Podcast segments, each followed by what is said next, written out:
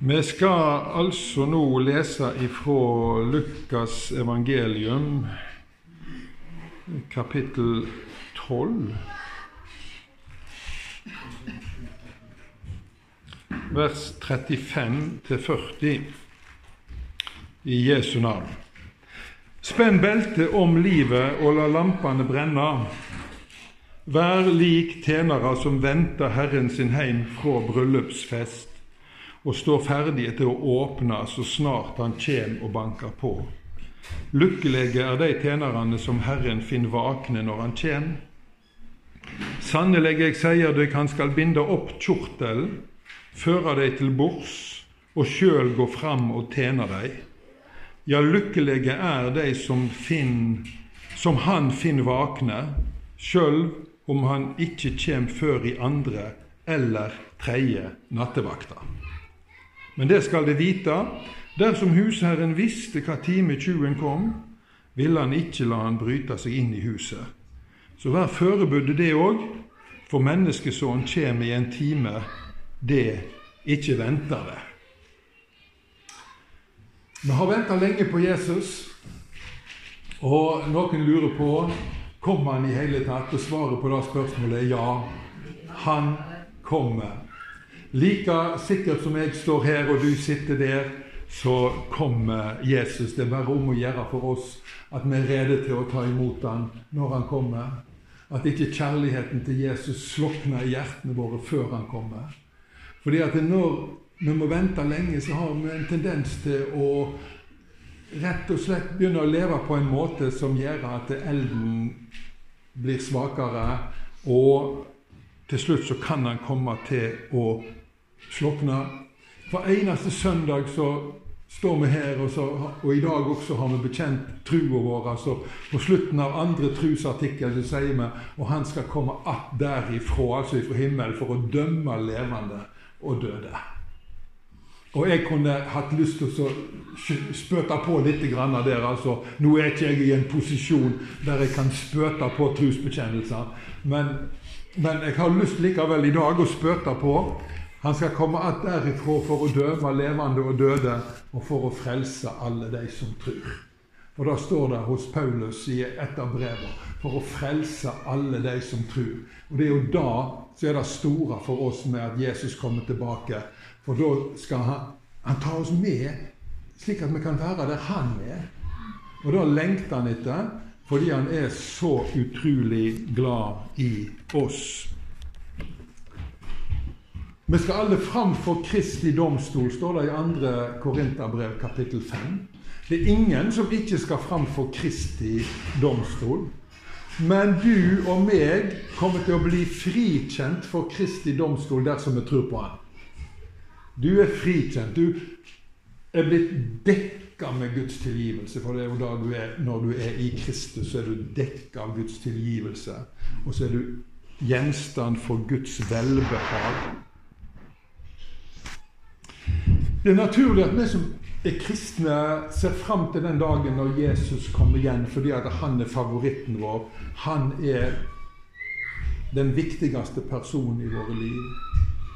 Det er akkurat som unger som venter på at foreldrene skal komme hjem etter ei reise. De er så fulle av forventninger. og Kanskje har de lyst på en bibelord, men mest av alt så har de lyst og møte mammen og pappen sin igjen.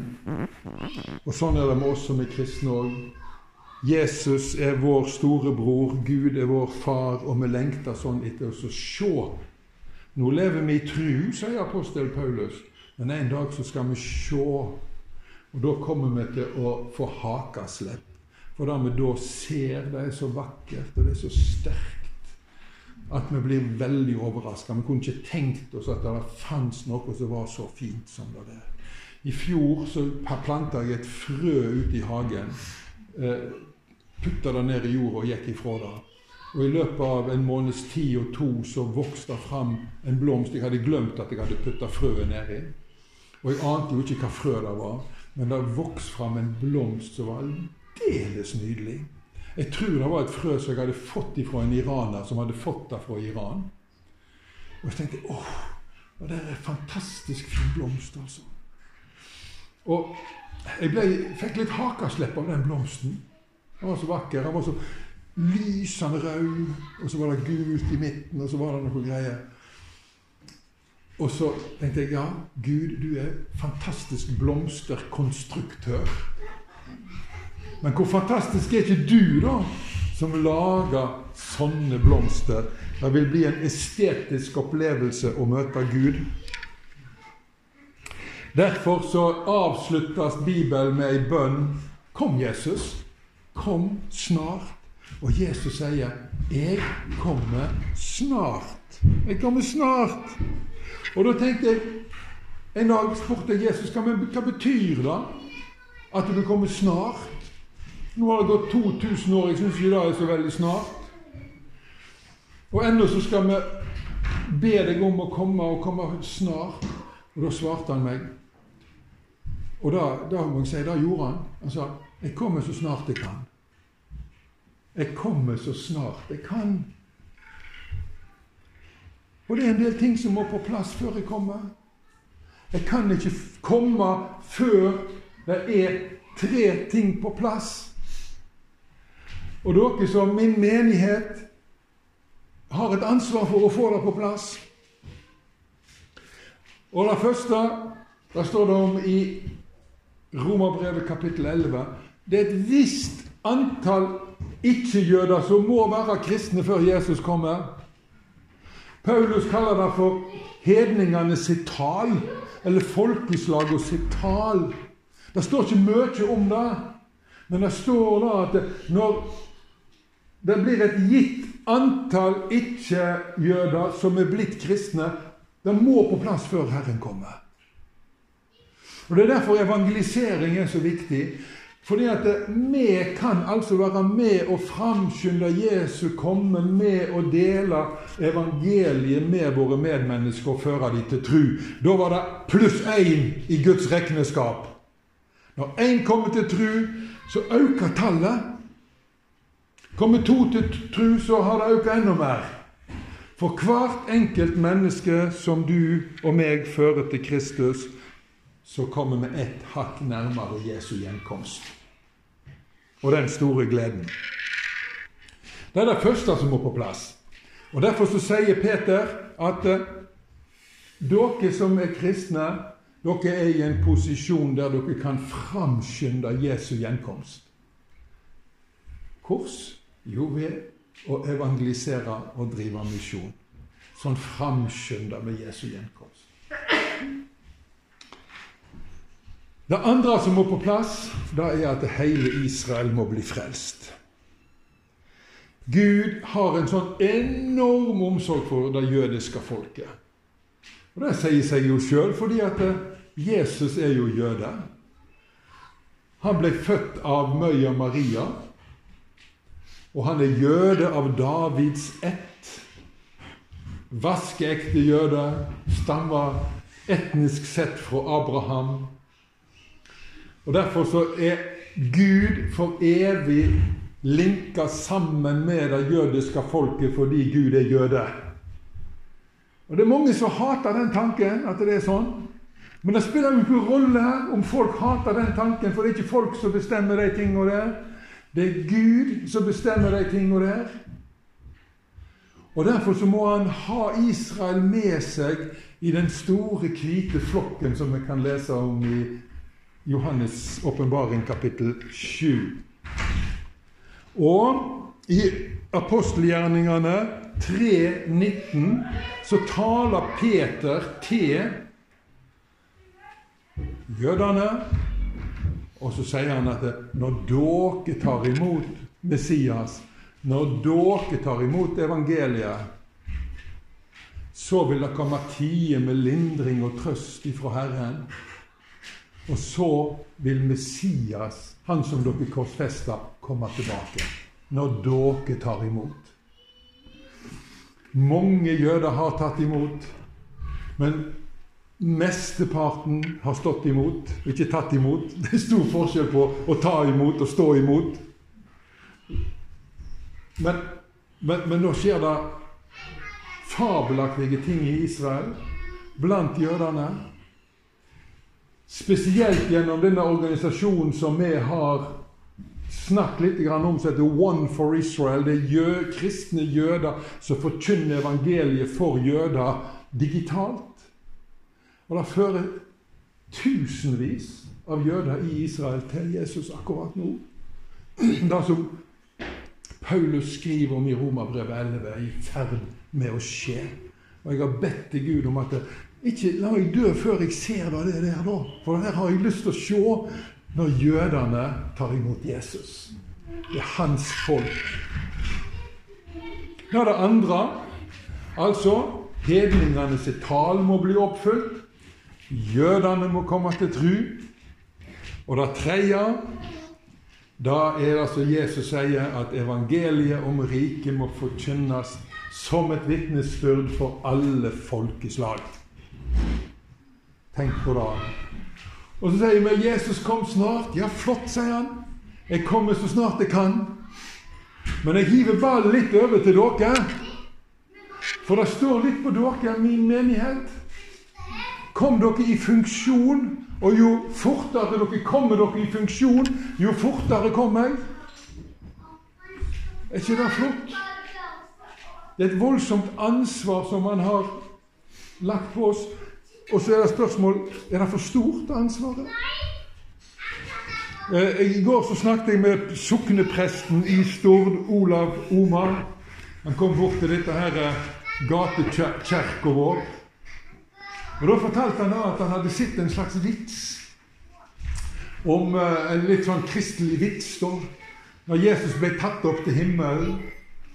Og så satt han på ei sky, og så var det en eller annen engel som sa Ja, hva, hva nå da, Jesus? Ja, ser du den gjengen der nede? sa Jesus til engelen. Nå er det de som skal fullføre verket. Nå er det de som skal fullføre jobben. Ja, men spør engel, har du ikke en plan B? Du ser noen gjeng der er. Kan du stole på dem, da? Aha, sa Jesus. Det er én ting du ikke kalkulerer med. Om ti dager så er det pinse. Og da kommer forvandlingen. Og det skjedde. Så kom Den hellige ande og fylte hjertene, deres hjertene og kroppene deres med himmel. Så kom krafta, og så kom kapasiteten, så kom kompetansen. Ting som vi vanligvis bruker årevis på å lære, da kunne de på et øyeblikk. Og så kom karakteren. Og det er derfor vi alltid ber Gud La denne elden som ble tent på pinsedag, la den fremdeles brenne sterkt i våre hjerter, i våre liv, slik at vi kan leve som de første kristne. Og alle kristne må jevnlig lese apostelgjerningene. Jevnlig lese apostelgjerningene for å bli kalibrert på kristenlivet sitt. Vi slår oss så ofte til ro med det nest beste, tredje beste og fjerde beste. Den måten jeg lever kristenlivet på, er relativt normalt, tror vi. Når vi leser apostelgjerningene, så ser vi at det er relativt unormalt, måten vi lever på. For da speiler vi oss i en veldig blank speil, og så ser vi nei, dette er ikke relativt normalt. jeg lever egentlig relativt unormalt. Jeg tror på Jesus, og jeg har tenkt meg til himmelen, men jeg fremmer ikke Jesu gjenkomst. Derfor noen andre tar seg av. Nei, sier Gud, du skal være med på det laget. For jeg vil fylle deg med min ånd, og jeg vil tenne deg i brann. Og jeg vil utruste deg med kraft, og jeg vil utruste deg med gavene, nådegavene. Slik at du skal være med og fremme min gjenkomst. Og det er dette Jesus mener når han sier 'spenn beltet om livet' og hold lampene brennende. Her er det snakk om å være i tjeneste for Jesus med den kraft som han gir, til han kommer. Mange kristne sover en tornerosesøvn. De sover som steiner i våre dager. De tror på Jesus, men de lever ikke for Jesus. De lever ikke disippellivet. De lever mer for seg sjøl, for å realisere sine ønsker og sine planer. Noen sier at de lever for sine nærmeste, noen sier jeg lever for ungene mine. Besteforeldre sier at jeg, nå lever jeg for barnebarna mine, og hva er det ikke alt vi lever for? Men det er ren avgudsdyrkelse. Det står ingen plasser i Bibelen om at du skal leve for ungene dine eller barnebarna dine. Eller noen andre enn Gud. Det er Gud du skal leve for. Det vi lever for, det er vår Gud, skjønner du. Noen lever for lommeboka si, og noen lever for hobbyen sin, noen lever for kunsten sin, og noen lever for ditten og for datten. Det er avgudsdyrkelse. Og Herren sier jeg døde for deg for at du skal ha muligheten til å leve for meg. For Jesus. Det er han som er vår Gud. Å være kristen er å leve for Jesus alene. Og Da kan du bare gå hjem og lese 2. Korinterbrev kapittel 5 og vers 15. Der står det svart på hvitt at akkurat det jeg nå sier, det er helt sant. Står det her. Venter, venter du på Jesus? Ser du fram til at han kommer tilbake? Er du med på å fremme hans gjenkomst, i det minste med å be om vekkelse, ja, da, da er du litt våken. Da er du litt våken. Har du slutta å vente på Jesus, da sover du som en stein, og du er egentlig i en åndelig faresone.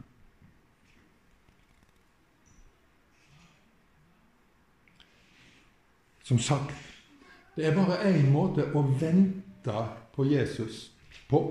Og det er å realisere misjonsbefalinga. Når Jesus kommer, da får du det fint. Har du levd for Han, så skal Han gi deg hedersplassen i, rundt sitt bord. Og han skal gjøre skikkelig stas på deg. Da skal du bli sett. Og han skal be deg om å reise deg opp. Se her. Her er min venn, han og hun tok ordet mitt på alvor og levde for meg. Og jeg var så stolt over han eller hun. Jeg var så stolt fordi de hadde forstått og hadde respondert på en god måte på budskapet og holdt seg våkne, bevart trua og nå gir jeg deg seierskransen. Den har ligget og venta på deg nå. Så får du den vet du, den der flotte laurbærkransen du ser på Julius Cæsar. Det er den type krans som venter på deg i himmelen, og som Gud sjøl skal gi deg. Så vær forberedt på å møte Jesus. La ingenting komme imellom deg og Han. La ingenting bli mer viktig for deg i livet ditt enn Han. Lev i daglig omvendelse og oppgjør. Lytt til Gud, lytt til samvittigheten din.